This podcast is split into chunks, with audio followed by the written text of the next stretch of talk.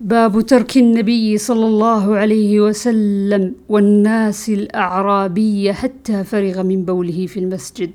عن أنس أن النبي صلى الله عليه وسلم رأى, رأى أعرابيا يبول في المسجد فقال دعوه حتى إذا فرغ دعا بماء فصبه عليه.